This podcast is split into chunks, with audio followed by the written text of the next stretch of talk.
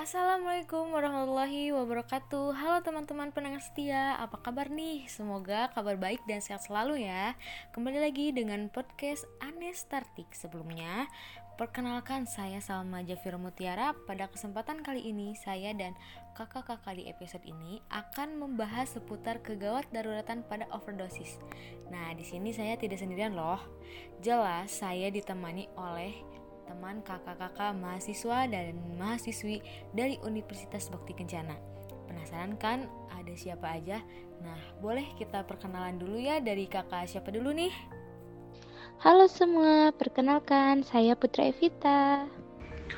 Halo guys, perkenalkan nama saya Gugu David Kusworo. Halo teman-teman, perkenalkan nama saya Lutfi Patricia. Halo teman-teman, perkenalkan nama aku Zulia. Perkenalkan, nama saya Akram Tembo Milano. Halo semua, perkenalkan nama saya Rizky Anissa. Halo, dan saya Fathan Ahmad Mujadid. Oke, kakak-kakaknya sudah memperkenalkan diri dan teman-teman juga sudah mendengar dan sudah tahu siapa nama kakak-kakaknya. Sekarang pendengar pasti penasaran sama apa yang akan kami bahas. Oke, kita bahas yang pertama nih, yang pertama dulu, oke. Apa sih gitu overdosis itu? Nah, coba siapa yang akan menjelaskan apa itu overdosis? Nah, mungkin eh, Kak Lutfi mungkin boleh menjelaskan apa itu definisi dari overdosis. Baik Kak Salma, terima kasih atas waktunya. Oke teman-teman semua, di sini saya akan menjelaskan mengenai definisi dari overdosis. Overdosis merupakan keadaan di mana seseorang mengalami gejala keracunan akibat obat yang melebihi dosis yang bisa diterima oleh tubuh, baik yang disengaja maupun yang tidak disengaja.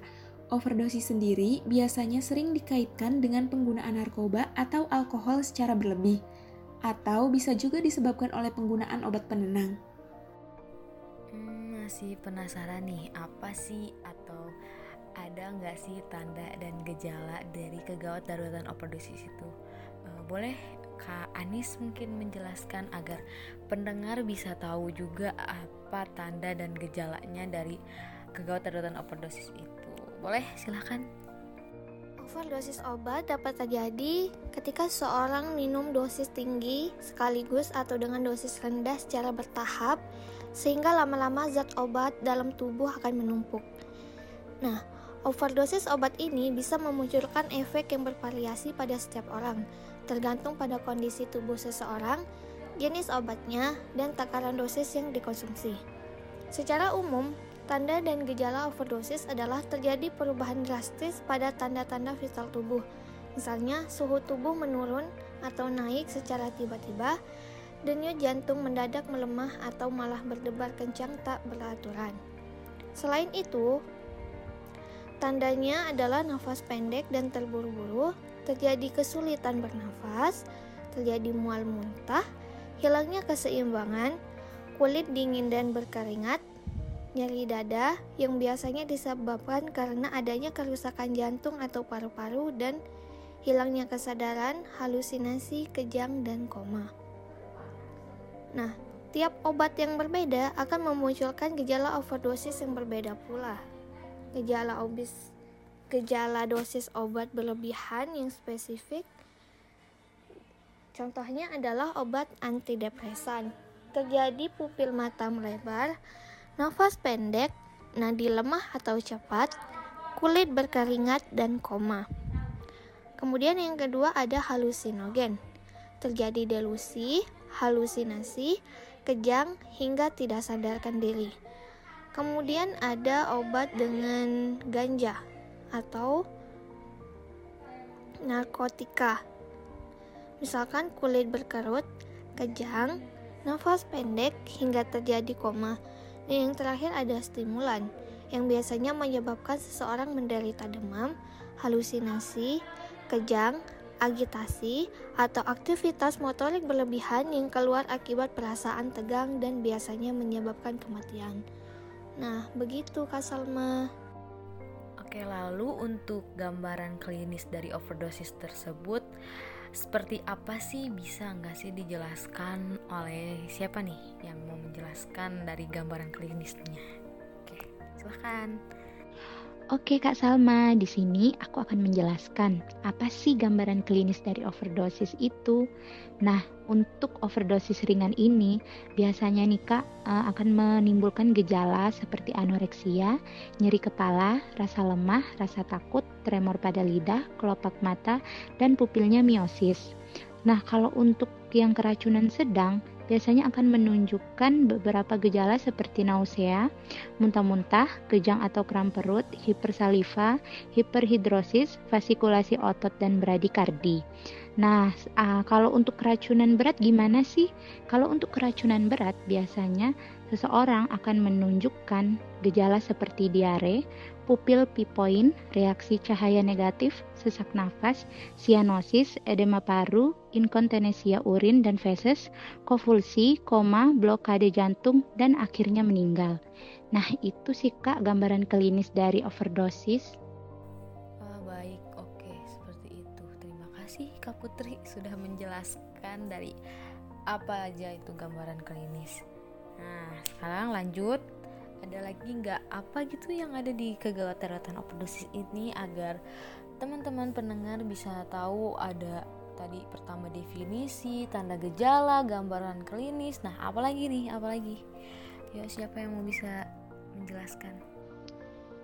Ada nih Kak Salma yang belum, yaitu penata laksanaannya. Yang pertama, segera hubungi gawat darurat dengan nomor 118 atau 119 jika orang tersebut telah ambruk tak sadarkan diri dan berhenti napas. Jika Anda tidak bisa mendapatkan respon dari seseorang yang tidak sadar, jangan menganggap mereka sedang tidur ya guys.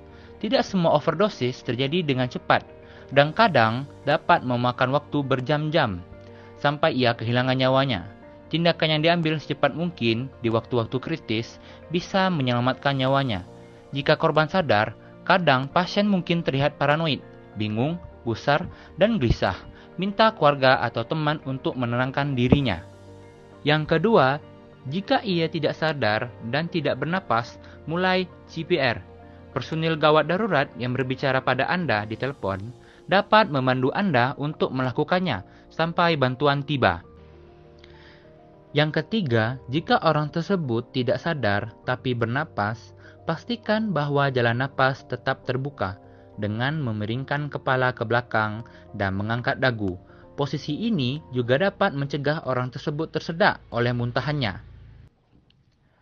Yang keempat, cari tahu dia overdosis obat apa. Jika orang tersebut sadar, tanyakan apa yang ia konsumsi, seberapa banyak, kapan terakhir kali ia meminumnya, dan bagaimana ia mengonsumsinya, ditelan, dihirup, atau disuntikkan.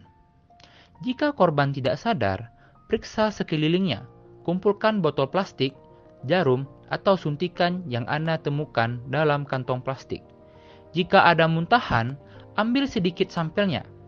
Ini bertujuan sebagai bukti untuk diberikan pada personil gawat darurat yang menanganinya dan dianalisis lebih jauh. Dan yang terakhir, jangan tinggalkan korban sendirian sampai bantuan tiba karena seseorang yang overdosis bisa masuk dan keluar dari kesadarannya. Baik, terima kasih. Seperti itu teman-teman pendengar untuk penjelasan singkatnya dari Kak Akram tentang penata laksanaan ya Kak. Nah, agar pendengar lebih tahu tentang overdosis, biasanya kalau di kegawat daruratan ini pasti adalah pengkajian. Ya kan? Nggak mungkin enggak nah bisa dong dijelasin pengkajian atau asuhan apa yang diberikan atau dilakukan pada pasien kegawat daruratan overdosis ini? Oke boleh siapa yang mau menjelaskan atau kafatan mungkin bisa menjelaskan tentang asuhan yang diberikan untuk pasien tersebut oke boleh Boleh sama saya aja ya Kak Salma. Jadi, di pengkajian kegawat daruratan pada pasien overdosis ini, yang pertama kita harus memperhatikan primary survey. Yang kedua ada secondary survey. Nah, untuk di primary survey, Yang pertama harus diperhatikan adalah airway, airway support, yang mana ini tuh yang harus diperhatikan karena ditakutkan sumbatan pada jalan pernapasan, yaitu jatuhnya lidah ke pangkal lidah. Nah, adapun teknik yang bisa membuka jalan napas ini, yang pertama dengan head teeth atau chin lift, yang kedua dengan jauh trust. Nah, selanjutnya ada breathing support. Ini juga harus kita perhatikan. E, bisa dengan teknik look, listen, and feel. Lalu ada circulation support. Circulation support ini pemberian ventilasi buatan dan kompresi dada luar yang diberikan pada klien yang mengalami henti jantung. Lalu ada disability. Disability itu pemantauan status neurologis secara cepat bisa kita pantau dengan tingkatan kesadaran dan GCS-nya. Lalu ada exposure. Nah, ini tuh dilakukan pengkajian head to toe. Yang kedua yaitu secondary survey. Secondary survey ini pada saat penggunaan sesudah terjadi dan diperlukan untuk penyembuhan treatment. Nah, adapun fase-fasenya meliputi yang pertama fase penerimaan awal antara 1 sampai 3 hari dengan melakukan pemeriksaan fisik. Dan mental yang kedua ada fase detoksifikasi dan terapi komplikasi medis. Nah, ini tuh antara 1 sampai 3 minggu untuk melakukan pengurangan ketergantungan bahan-bahan adiktif. Tindakan yang harus dilakukan adalah melakukan tindakan keperawatan head to toe. Mungkin itu saja Kak Salma. Nah, lanjut nih. Selain pengkajian, masalah keperawatan apa aja yang mungkin timbul pada kegawat daruratan overdosis ini? Yuk, ada apa aja gitu? Oke Kak Salma. Jadi di sini aku akan ngejelasin masalah keperawatan apa aja sih yang mungkin timbul. Jadi masalah keperawatan yang mungkin timbul itu ada tiga poin kak. Poin yang pertama itu tidak efektifnya pola nafas.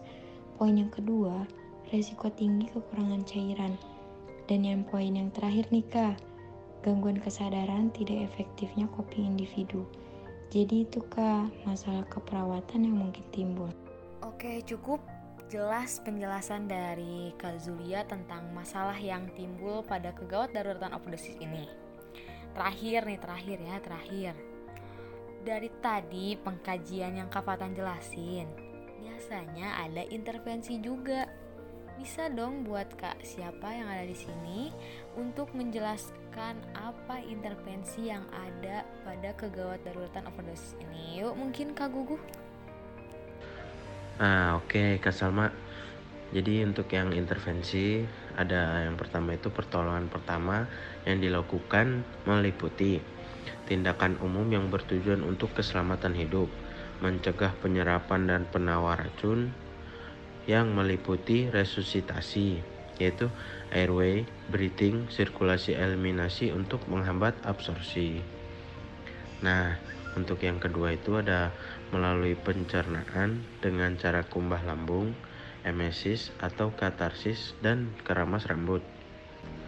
Nah, yang ketiga ada berikan antidotum sesuai advis dokter minimal 2 kali 24 jam yaitu pemberian SA. Nah, yang terakhir, jika pernapasan depresi, berikan oksigen dan lakukan suction. Ventilator mungkin bisa diperlukan. Uh, mungkin cukup itu aja sih Kak Salma yang bisa saya jelasin di intervensi ini. Ya, terima kasih Kak Salma. Oke teman-teman pendengar, seperti itu penjelasan dari Kak Gugu tentang intervensi pada kegawat darurat overdosis. Kira-kira seperti itu yang bisa dibahas atau dijelaskan seputar kegawat daruratan pada overdosis ini. Kesimpulan yang bisa saya ambil dari pembahasan kita ini, jadi salah satu kejadian gawat darurat yang juga mengancam nyawa manusia adalah overdosis, yang merupakan keracunan pada pengguna obat baik yang tidak disengaja maupun disengaja. Hal ini akan beresiko tinggi untuk warga Indonesia yang masih banyak atau bahkan belum mengetahui tentang dampaknya, terutama kalangan remaja atau pelajar. Overdosis obat sering disangkutkan dengan terjadinya heroin digunakan bersama alkohol. Overdosis atau kelebihan dosis terjadi akibat tubuh mengalami keracunan akibat obat. OD sering terjadi bila menggunakan narkoba dalam jumlah banyak dengan rentan waktu terlalu singkat. Biasanya digunakan secara bersamaan antara putau, pil, heroin digunakan bersama alkohol atau menelan obat tidur seperti golongan barbiturat yaitu luminal atau obat penenang yaitu Valium, Xanax, Morgadon atau BK. Seperti itu teman-teman pendengar kesimpulan dari saya. Terima kasih kakak-kakak yang sudah berkenan membahas barang-barang seputar kegawat daruratan pada overdosis di episode ini. Dan terima kasih juga buat seluruh pendengar yang sudah menyimak dari awal hingga akhir. Semoga penjelasan dan pembahasan ini bermanfaat untuk teman-teman pendengar dan dapat dipahami ya. Mohon maaf jika ada perkataan yang kurang jelas atau ada salah kata.